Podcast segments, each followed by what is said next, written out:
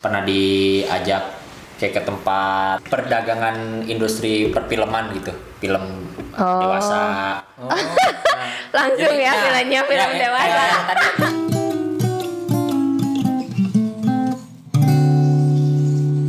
Assalamualaikum. Warahmatullahi wabarakatuh. Wilujeng Sumping, Akang Teteh Sadayana. Selamat datang di podcast Aurora. Naon Aurora? Audio Rofik. Raisa. Ye. We ieu nanti. Kekeh konsisten atuh, Kang. Nah, jadi sekarang mau ngapain, Sa? Sekarang kita mau bahas yang beda dari yang sebelumnya. Hmm. Bagi orang-orang yang belum denger yang sebelumnya nonton dulu eh bukan dengerin dulu aja ya. Episode 1. Ya, bersama Akang Abdurrahman. Hmm. Nah, sekarang kita punya teman lagi nih, beda beda beda, bukan Abdurrahman lagi. Saha tah?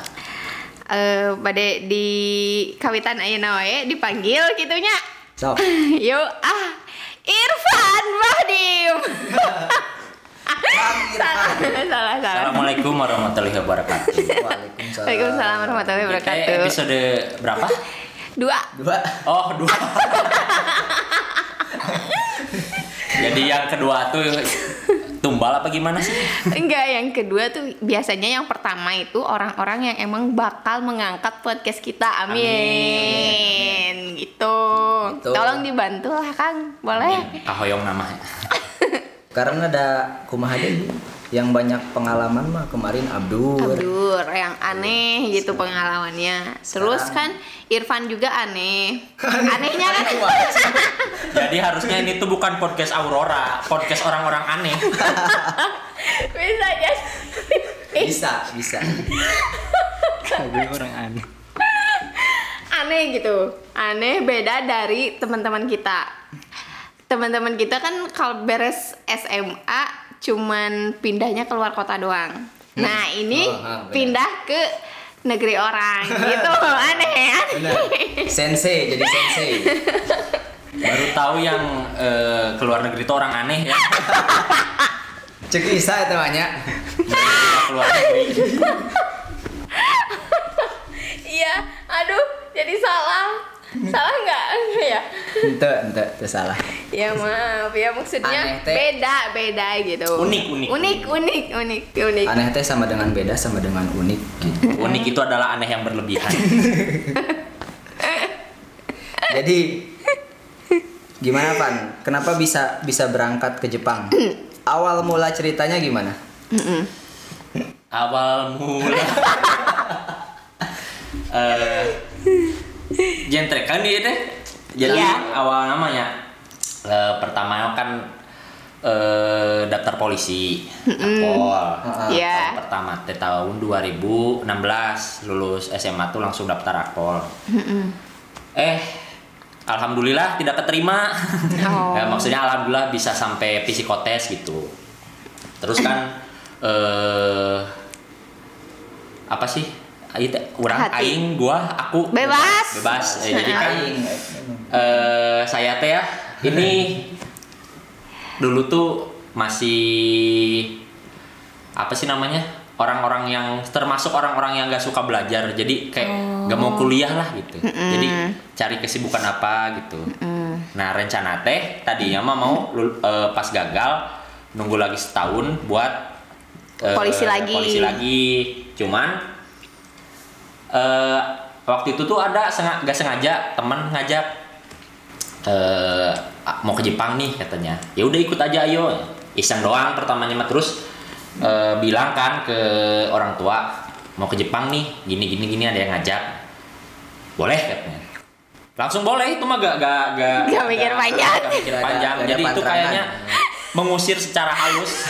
Boleh sana bulan gitu kayak Iya boleh mengurangi beban. itu nettingnya ya nettingnya positif thinkingnya mungkin ya orang tua saya teh alhamdulillah eh, bukan orang tua yang terlalu mengekang gitu. Mengekang, iya. soalnya katanya eh kayak apa sih dulunya tuh orang tuaku tuh orang tua saya tuh ini terlalu dikekang sama Orang tuanya. sama nenek saya tuh jadi ya nggak mau hal itu tuh terjadi sama anak-anaknya gitu Iya, katanya pernah pernah ngerasain gitu loh ya. thinkingnya Hmm, oh gitu. Ternyata Ya positif. nyatanya positifnya apa negatif si mama? Eh, nyatanya sih belum terkuak duka duka emang ngusir duka kumaha Nah, terus singkat cerita eh keterima lah ayah itu eh, keterima buat Berangkat. pendidikan ya ber- berangkat tapi pendidikan dulu Hmm. Sama Ropi kan ya Ropi gak usah pura-pura gak tahu itu Ada alumni ini. Alumni. alumni. Irfan berangkat, saya enggak. Eh. Gagal. Kayak cuman kan ada pasti ada jalan lain gitu di balik kegagalan tuh asik. pasti Allah mah sudah menyiapkan Aduh, masya terbaik bagi Allah. umatnya Masya balik Allah. Kegagalan masih ada kegagalan lainnya. Aduh, nggak gitu. terus gagal-gagal rintangan Oh. terus gagal-gagal-gagal bunuh diri tapi ini eh, ada ha- apa sih kalau menurut saya ya ada hal menarik waktu sebelum cerita Jepang seterusnya ada hal menarik se pas aku daftar ini Daftar Polisi. Jepang, oh polisinya. Nah, Hmm. pas eh, tes pertama itu tinggi badan lolos. Tes kedua tuh fisik ini ini lolos. Nah, pas tes ketiga apa keempat gitu psikotes kan. Nah, pas psikotes tuh kan pulang otomatis hujan ya. Eh, Iya. otomatis sedih gitu lah. Jadi pokoknya mah eh, si semesta teh seperti mendukung kesedihanku. Heeh. Nah, hujan kan waktu itu teh. Terus kayak eh, Bandung tuh mati lampu lah.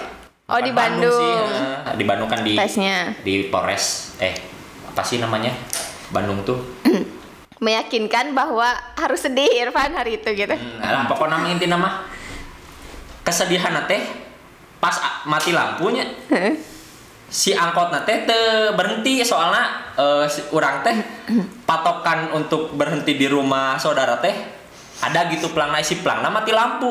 Oh. pas udah Oh. lewat 2 kilo Baru nggak baru ngeh. turun lah ternyata pas turun teh. Kelebihan Uang, heeh, si uang teh gak ada gak tau ke mana. Lengit inti nama jadi hilang hilang. Uang uang nate hilang. Memelas lah ke si eh, supir angkot teh. Minta bantuan Ah, gitu gak, gak ada ini gak ada ini. Ya udahlah gak apa-apa katanya. Turun lah nah karena tahu diri ya gak mau naik angkot lagi ya udah jalan tapi Sambil hujan-hujanan. Ah, hujannya teh semak, makin gede pakai sepatu pentopel baju hitam putih lompatan eh, lari-lari pas hujan gitu udah kayak kena PHK gitu. kayak mendramatisir pisan gitu tapi Bisa bayang. hmm, tapi anehnya di situ tuh Udah dapet feel sedihnya. Ah, di nanti udah dapet tapi, eh, entah kenapa gitu di situ tuh eh, saya tuh ketawa-ketawa jadi ketawa karena geli pada nasib diri sendiri. Itulah cerita menariknya. Terus udahlah. Entah itu eh, nyampe rumah telepon ke mama gak keterima gagal gak apa-apa katanya gini-gini. Oh emang psikotes kayak itu langsung diumumin gitu? Kalau di Iya kalau kalau kalau eh, dulu tuh kayaknya sekarang juga udah mulai gitu sih. Jadi pertama tuh 2016 tuh udah kayak tes terus si nilainya tuh langsung keluar. Oh, jadi di situ pas mati lampu teh udah udah tahu bahwa itu nggak gak Gagal. lolos Nah, psikotesnya. enggak, jadi jadi mati lampunya tuh pas udah naik angkot itu. Ari dapat keterima atau lolosnya? Itu ya itu Bandung belum mati lampu. Jadi Bandung tuh belum menyiapkan skenario sedih. Ah. Kerma kerma udah sedihnya ditambah naik angkot parem listrik kehujanan. Kehujanan. Tambah we. Udah itu. Double kill ini mah. Itu juga na kalau ada orang kaya di sodakohan orang di alungan kencring mainannya. pernah. Kasihan. Kasihan. Terus saya tergelincir masuk Jepang, eh ikut Jepang. Nah, itu ikutnya Jepang. Tadinya apa sih ya? Eh takut lah gitu. Jadi si- siapa sih yang nggak takut kayak sekarang kan banyak itu eh apa sih? Penipuan. Hmm, penipuan kayak penyalur pekerja ke Jepang itu buat magang. Eh ya Taunya apa, gitu. dari SMA kok bisa magang gi- gimana caranya gitu. Tapi ternyata di Bandung bukan di Bandung di Indonesia juga banyak. Jadi eh, apa sih penyalur-penyalur yang gitu tuh LPK LPK gitu tuh mau swasta mau negeri itu banyak pisan. Banyak. Nah, alhamdulillah lah berangkatlah ke Jepang gitu. Ini Jadi di Jepang tuh kerja gitu. kerja bukan belajar dulu sih belajar dulu berapa berapa Tiga bulan ya? tiga bulan Tiga eh satu bulan eh tiga bulan belajar di Indo Hmm. satu bulan belajar di Jepang sisanya kerja pokoknya itu tuh totalnya satu tahun lah gitu Hmm. Jadi nggak ada terbelincir pengen ikutan polisi lagi dari situ. nah ini tuh berarti aclok-aclogan ya jadinya Eh. nah eh, waktu itu tuh pas balik dari Jepang tuh ini pengen ikut lagi cuman ya pas balik Indo terus daftar lagi eh ternyata umurnya udah lebih dua bulan. Oh, jadi nggak jadi. Hmm, jadi gak jadi gak bisa katanya. Udah lebih dua bulan kecuali masuk tamtama katanya. Tapi Nggak mau. ya, eh, kurang kayak kurang serk gitu. Oh. maunya bintara kalau nggak apol waktu itu. Udah lah jadi kuliah gitu gini gini Oh, Yang tadinya nggak niat kuliah ya? jadi kuliah. tapi Kuliah. tapi nah kuliah ini juga gak sengaja gitu jadi ada temen eh, nama eh, inisialnya tuh bacang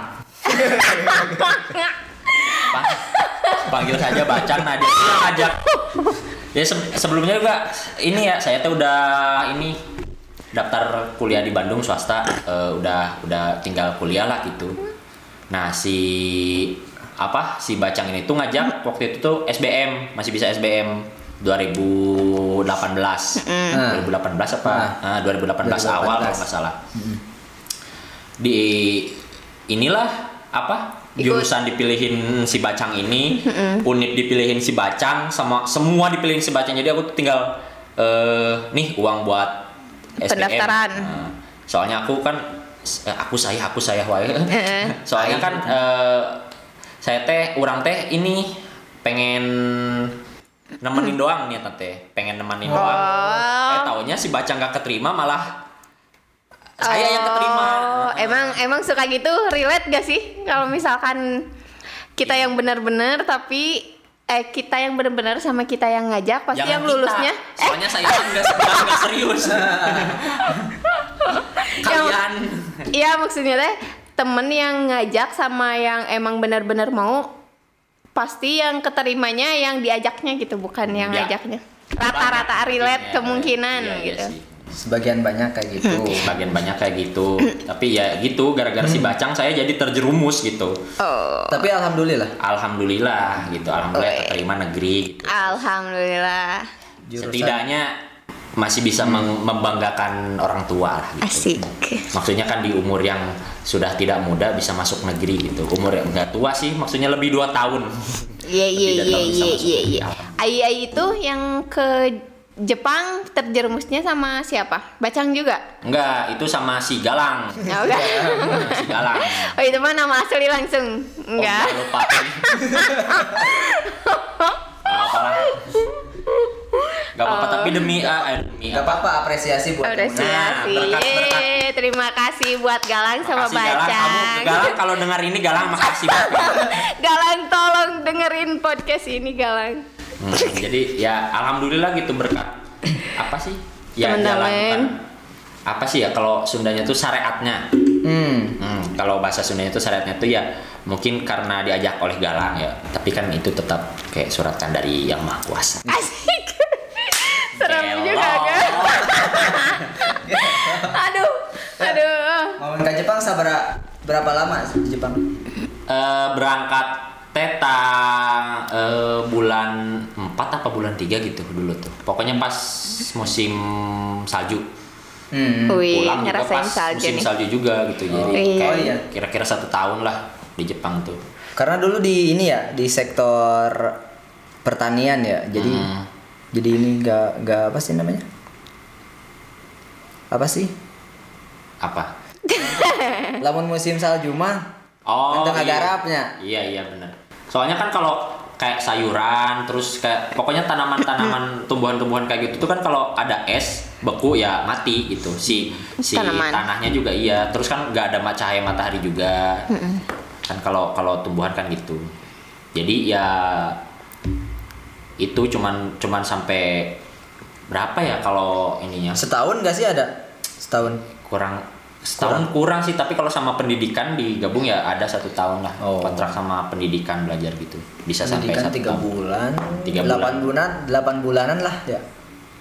tiga bulan di Indo satu bulan di sana di sana di Jepangnya dari bulan hitung aja dari bulan 4 sampai bulan 10 7 tambah 4 11 bulan berarti ya kontraknya tuh sebelas satu tahun sih sebenarnya masih bisa satu bulan cuman kan kalau eh, udah tanah udah beku udah ada es ya udah gak bisa kerja biasanya kalau yang di lapangan biasanya ya Nah, lika-liku sebelum eh pas di Jepang deh.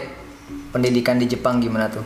Kalau pas pendidikan sih ini sih kayak agak kaget soalnya eh, belajar ya belajar sih normalnya emang kalau bahasa kan 4 bulan udah udah bisa kan harusnya ya. Cuman mungkin karena saya eh apa kurang pintar ya. Jadi ya agak terbatas gitu. Soalnya kan pas di sana gurunya langsung orang Jepang gitu. Ngomong-ngomong Oh. ngejelasin full sama bahasa Jepang gitu Hmm. gitu kayak kayaknya kalau dulu saya bikin YouTube channel saya yang terkenal bukan Jeremy Colin benar benar benar Nah, itu ngajiannya hari tak. karena mungkin HP saya itu Zenfone 4 yang burem. Zenfone 4 apa gitu itu. pokoknya empat setengah. hmm, empat setengah jadi kam- kalau kalau kamera depan itu ya udah muka tuh blur gitu kayak gak ada muka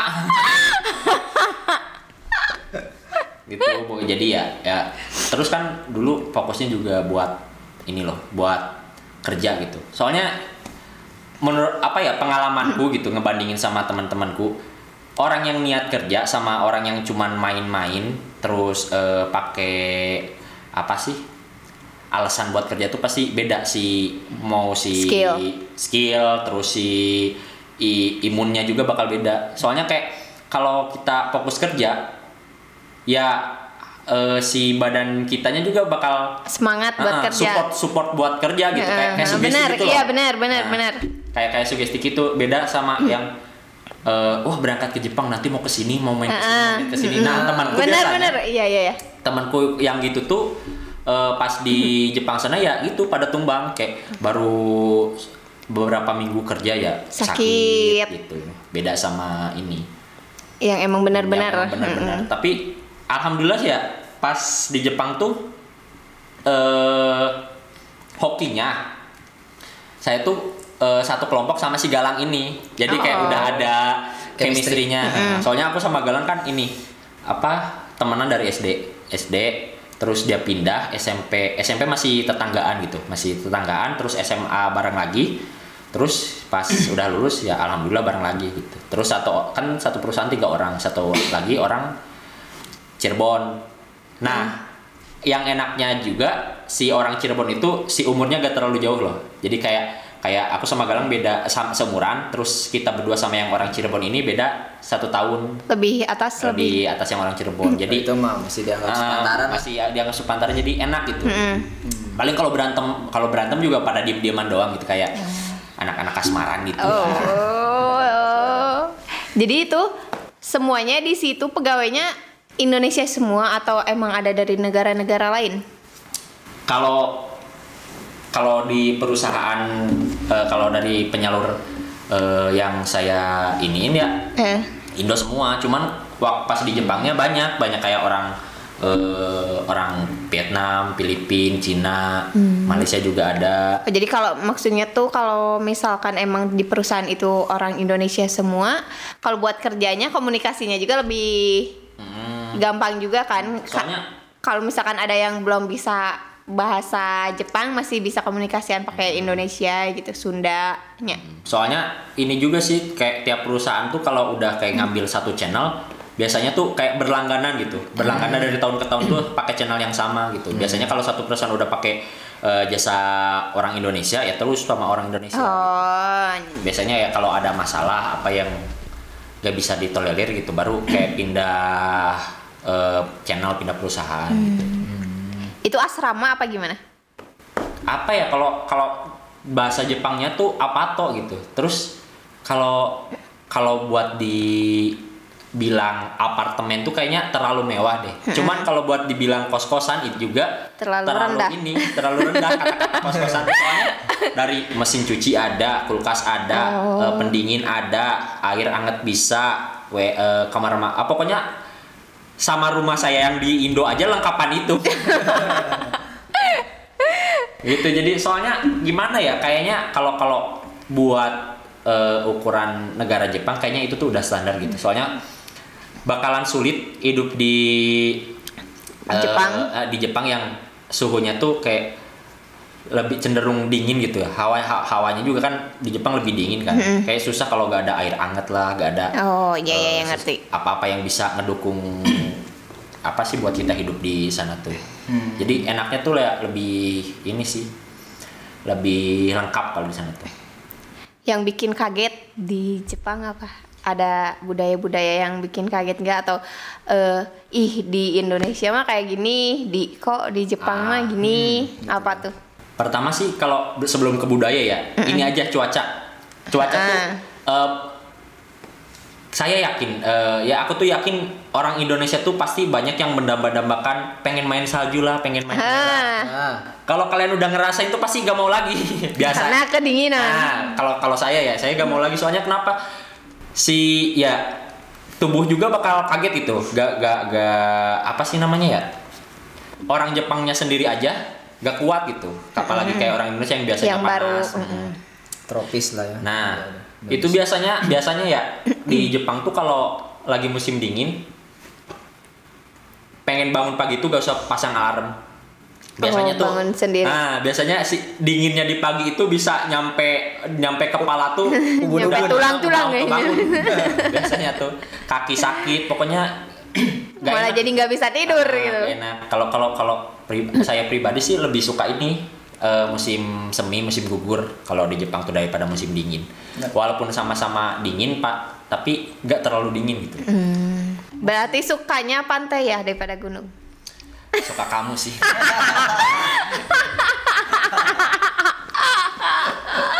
Aduh. Musim semi itu masuknya nggak bersalju ya, tapi dingin cuacanya gitu. Hmm, nggak bersalju tapi dingin kayak eh, Dago.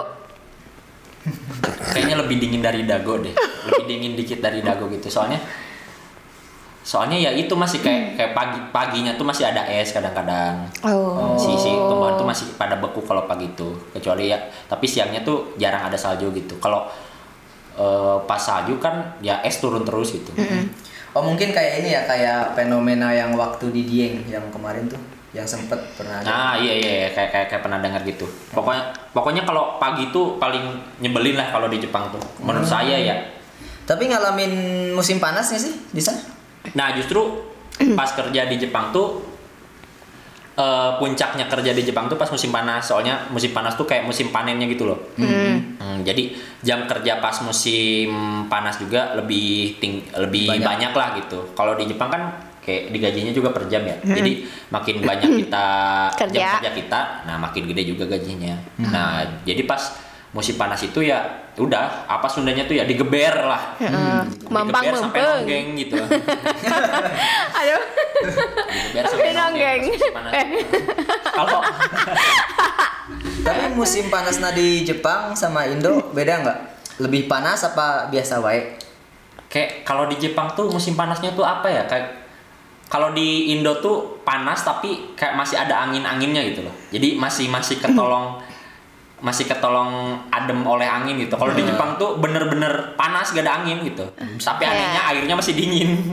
Ini masih dingin. enaknya airnya masih dingin kalau di Jepang tuh. Oh. Soalnya kayaknya gak tahu Jepang punya kulkas di bawah tanah apa gimana ya.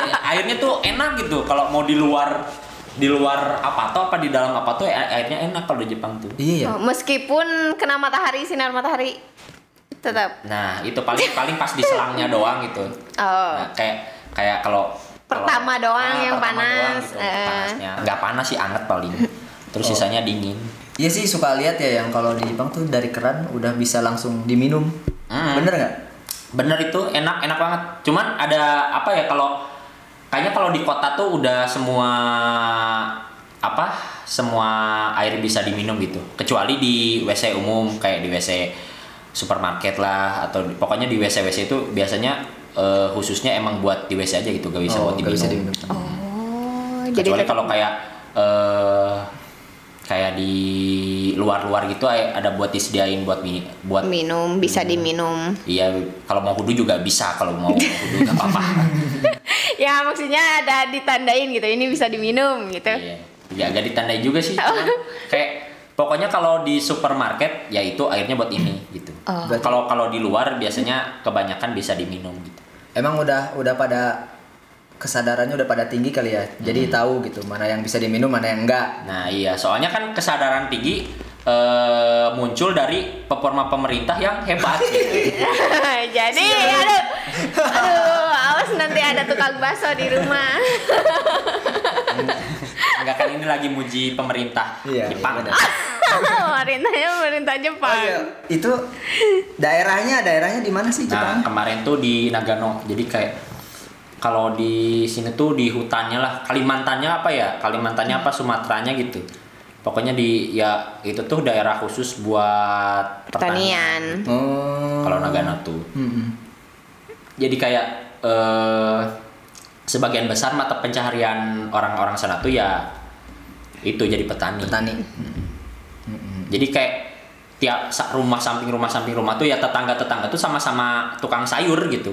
no Kayak ke petani. Jadi kayak kalau kalau ngobrol bertegur sapa ya udah ngomongin sayur, sayur lagi, sayur lagi gitu. Gitu. Kayak kalau kalau udah udah khusus lah gitu kalau di Jepang tuh. Dan itu di di langsung dikirim ke kota. Apa emang di diputerin di sana aja di Nagano aja gitu? Nah kalau kalau masalah itu tuh kayaknya yang ngatur tuh kayak ko kooperasinya di daerah itu deh. Jadi kayak yang apa ya saya kagumin gitu dari Jepang. eh, saya pernah dengar dari bos saya. Pe- pengusaha apa petani petani di sana atau pengusaha sayur di sana tuh ya gak bakal rugi. Soalnya saat kalau tumbuh apa kalau si sayurnya terlalu Banyak. banyak Hmm. masih bisa untung kalau si sayurnya sedikit sedikit makin untung gitu loh jadi ada ada ada kayak gimana sih namanya jelasinnya ya kayak pokoknya sistem di sana tuh yang bikin eh, si peru- apa pengusaha-pengusaha di sana tuh gak bakal rugi gitu. Kalau gak untung ya gak bakal rugi. Jadi kalau gak untung modal tuh bakal tetap balik gitu loh. Oh, minimal modal balik. Nah, minimal modal balik, bukan minimal modal pasti balik sih itu. Modal modal pasti balik. Kayak ada aja gitu. Kayaknya itu tuh salah satu kayak sistem yang harus di apa ya sistem kerja yang harus dipelajarin sama apa negara Indonesia. kita gitu ya. Heeh, Koperasinya Jepang gimana, sistem koperasinya Jepang gimana. belajar ya Iya gitu. gitu sih. tolong pemerintah Tolong lah.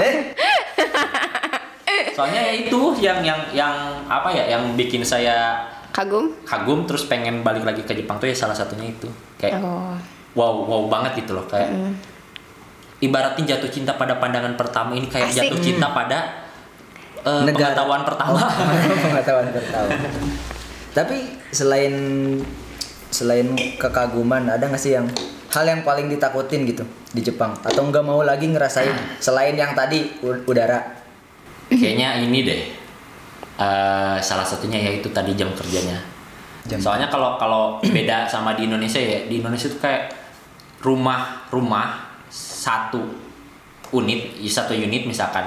Tipe berapa sih? Tipe per- perumahan-perumahan kecil gitu yang ngerjain juga bisa lebih dari lima orang lah bisa lebih dari empat orang.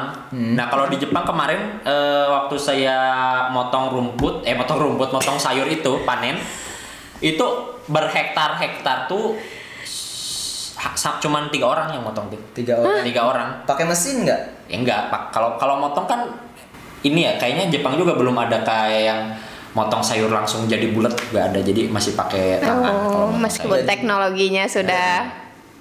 Hmm, soalnya kayak hasil hasil hasilnya tuh pasti bakal beda gitu. Ada ada Oh, ada iya, yang iya, ada yang nggak bisa dikerjakan oleh mesin gitu. Kalau sisanya ya pakai mesin kayak bajak terus nyiram terus membupuk sama- sisanya pakai mesin. Gitu. Dan itu berhektar-hektar. Kemarin berapa hektar? 10 berapa ya kemarin? Nggak tahu sih kalau dihitung cuman gede Nggak. lah. kalau lapang lapang lapangan mah nggak Nggak ada apanya gitu. itu. Masih setengahnya kalau ditotalin kayak kan kemarin eh, bos sa- bos aku tuh ini punya 12 apa sih 12 lahan 12 lahan dari yang paling gede sama yang paling kecil terus kalau ditotalin sedadaha tuh kayaknya Masih kurang. ada setengahnya lah kalau sedadaha kayaknya ya Oh. eh, setengahnya sampai seta- 50 sampai 70 persenan lah segitu Sama tiga orang itu? Iya, tiga orang. Cuman kalau kalau bulan 6 bulan 7 bulan 7 kan puncaknya panen. Biasanya si istri bos atau saudara-saudara bos bantu. Ya paling maksimal panen tuh yang ngerjain 8 orang. Ya itu pindah-pindah. Kayak kan kalau kalau sayur kan matangnya Nggak eh, merata. eh, nggak merata. Bisa dari kayak kalau dari menanamnya dari ujung A ke ujung C ya matangnya juga dari ujung A dulu. Ujung C ya hari-hari besoknya gitu. Biasanya gitu jadi jadi ya gitu. Eh, di lahan A, A udah habis misalkan udah yang matanya udah habis pindah ke lahan B pindah ke lahan C. Jadi ya pas panen ya gak bakal habis-habis gitu.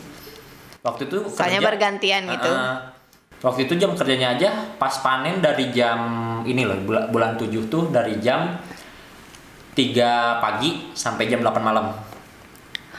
Itu panen dari jam 3 sampai jam 12 dari pukul 13 sampai 15 itu nanam eh 13 sampai berapa ya? 13 sampai 16an lah. Itu nanam terus dari jam 16 sampai pukul 20.00 itu bikin kardus gitu. Kayak melipet kardus gitu buat si buat sayuran. sayurannya itu. Gitu. Cuman ya gitu. Ya. tadi kebalik balik lagi ke awal kalau niatnya kerja ya bakal kuat sih alhamdulillah Ya gitu. seru-seru aja Nah, gitu ya seru-seru dikerjain gitu. aja. soalnya kan ya masih muda juga terus tiga orang ya paling ketawa-ketawa kalau capek ketawa-ketawa gitu kalau Oh. ada yang salah ya paling diketawain gitu Masih ya kalau ada yang salah diketawain. ya dimarahin ya manusiawi lah mana mana ada pe- pegawai yang gak dimarahin sama bosnya Nah. kayaknya Tapi masih wajar gitu lah. hmm, wajar sih kayak kalau main tangan tuh belum jadi kayak cuman bentak-bentak doang. Cuman bentaknya juga kalau orang Jepang tuh ya kalau marah itu marah pas kerja tuh ya cuman pas kerjanya. Kalau pas istirahat ya udah kata-kata lagi. Apa ya kalau Sundanya tuh watados. Banyak tanpa dosa lah gitu. Berarti emang bener-bener meskipun di sektor pertanian ya bener-bener profesionalnya tuh tinggi banget ya.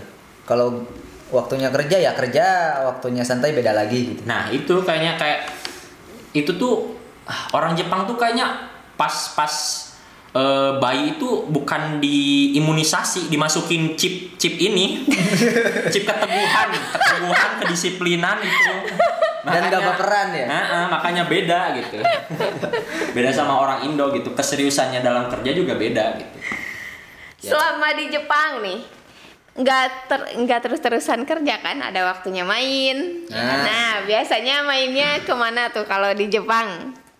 Jepang kan terkenal. Kalau waktu itu ya main. Kalau di Nagano ya pusat kotanya tuh ya nggak nggak se apa sih? Nggak seramai kayak Tokyo Akihabara kayak gitu. Cuman ya kalau buat main ya ada gitu.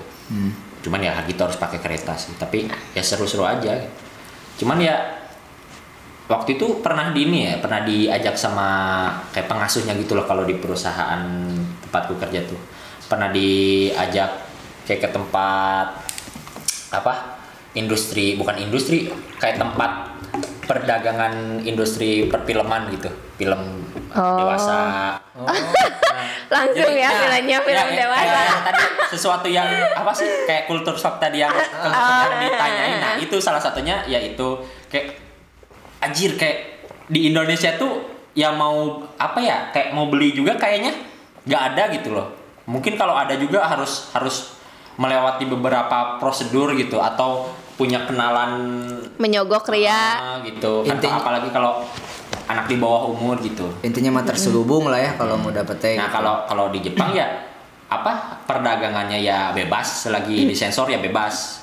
Kalau kata pengasuhku ya pengasuh saya di sana ya selagi disensor itu bebas legal kalau di sana tuh. Terus kalau majalah juga kalau di kalau di sana tuh eh kayak kayak di Indomart Alfamartnya Jepang tuh ada gitu majalah-majalah kayak gitu tuh. Kayak alkohol yang gitu ada semua.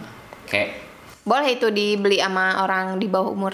Nah, nah Jepang tuh ya itu salah satunya kayak kalau lihat drama Jepang apa drama Korea kalau orang di bawah umur ya gak bisa beli rokok, gak bisa beli alkohol, gak bisa beli majalah gitu. Oh benar itu benar Nah, benar. Kayaknya ka- apa? terterap. Nah, film juga dibikin ya otomatis relate sama eh, keadaan suatu negara tersebut kayaknya. Ah, oh iya jadi benar gitu kan kalau di sini orang tua kadang nyuruh anaknya gitu loh beliin rokok gitu.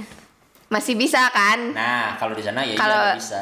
kalau di Jepang mah bener-bener nggak bisa meskipun ini buat papa bener-bener nggak bisa nggak dikasih sama si itunya jadi kayak kalau kalau mau beli ya ya udah harus harus sendiri. harus sendiri gitu. Oh, mantap juga sih keren sih itu harusnya ya. datang. Ya harusnya. Terus apa lagi yang beda? Yang beda sih paling ini ya kayak eh, sifat-sifat eh, si ya sifat sifat pasti beda ya. Kayak Jepang tuh kalau kebiasaan orangnya Hmm, kebiasaan orangnya itu ka- kalau Jepang tuh kayak kalau kita lihat sekilas tuh kayak lebih cuek gitu. Padahal kalau aku sih nangkepnya mereka tuh udah kayak ada di tahap eh, terlalu pengertian sama terlalu perhatian. Jadi jadi kayak perhatiannya orang Indonesia tuh kayak masih bisa disampaikan gitu. Nah, kalau orang Jepang tuh udah perhatiannya tuh sama pengertiannya tuh udah lebih. Jadi kayak saking saking mikirnya saking mereka mikirnya terlalu jauh ya takut jadi ngeganggu orang lain lah. Oh, jadi iya, kayak iya, iya. kayak gimana ya? Itu takut ngeganggu orang lain lah. Terus eh, Jadi risih. nah jadi, jadi risih gitu. Makanya kebanyakan kayak kelihatannya tuh orang Jepang tuh cuek gitu. padahal aslinya ya emang baik-baik gitu. Berarti bukan bukan cuek ya tapi lebih ngejaga privasi kali ya? Nah iya itu. Ya itu tadi kayak mereka tuh emang terlalu perhatian jadi sampai-sampai eh, hal yang mereka takutin juga udah Terbayang eh, gitu. terbayang jauh gitu loh. Takut ngeganggu takut apa gitu. Kalau orang Jepang tuh ya gitu kalau aku tuh nangkepnya. Hmm, jadi iya pernah dengar juga yang katanya kamera pun ada suaranya ya? Nah iya kalau kalau ini ya kalau kita beli HP HP HP-nya HP Jepang tuh pasti kamera tuh ada bunyinya Bunyi. soalnya buat kayak antisipasi buat yang kayak papara paparazzi gitu loh jadi Oh, biar kedengar gitu. Nah, kalau kalau foto orang nggak diam-diam. nah, buat apa gitu buat buat ha- apa hal jelek atau apa pasti ketahuan gitu kalau ini tuh. Pernah ngalamin nggak? ngalamin? Kalau saya pengen kalau saya pengennya jadi korban sih. korban Kok pengennya di- jadi korban sih? Sujo kayak gini loh, kayak orang Indonesia gitu siapa sih yang gak mau sama cewek Jepang gitu kan? Cewek Jepang kan kayak putih-putih gitu kan. Hmm. waduh Bercanda, bercanda, bercanda. Siapa yang mau? Oh, jadi menurut Irfan cewek yang cantik itu yang putih. Enggak. Cuman Cuman mungkin karena kita terlalu sering melihat orang yang preferensi itu Nah, iya, mungkin ya. Oh, gitu. pilihan Pilihan tapi itu 80% gitu kan. Tapi gimana kalau ada yang kan ah enggak deh Jepang dulu.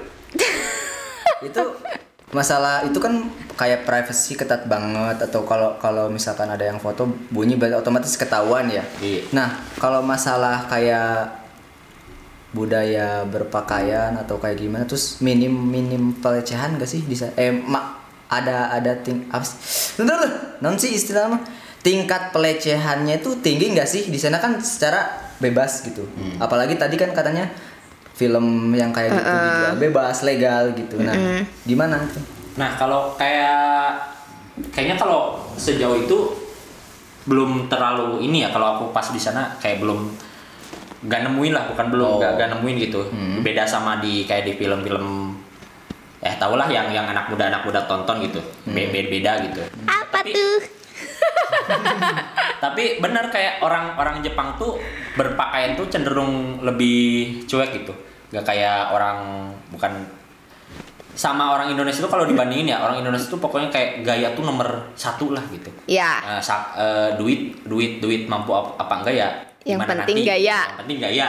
Nah kalau orang sana ya apalagi anak SMA ya keluar keluar juga kadang ada yang pakai training kaos olahraga eh, seragam sekolah ya gak masalah gitu. Bahkan eh, waktu itu saya ini loh pernah lihat cewek SMA Jepang kayak garuk nggak nggak apa-apa ya garuk-garuk pantat Ah, ah. sampai ke dalam gitu di muka umum saking cueknya gitu Oh, itu cuek apa emang? Gak Nggak tahu tahu sih, kayak- malu. kayaknya soalnya pas eh, saya tanyain ya ke pengasuh saya eh kalau gini-gini tuh katanya orang Jepang tuh gak pernah merhatiin kayak gak mau merhatiin urusan orang lain kalaupun eh, ya kelihatan ya mereka bakal cuek gitu Oh, mungkin balik lagi ke oh, yang tadi Kalau di sini di videoin, Nah, jadiin nah, viral itu gitu. bedanya. Indonesia tuh. Ah.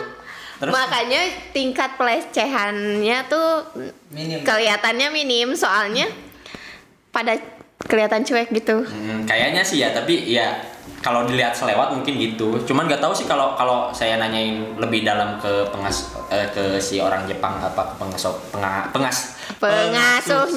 saya. Oh, Gimana saya. sih aslinya apa kelakuan kelakuan orang Jepang tuh?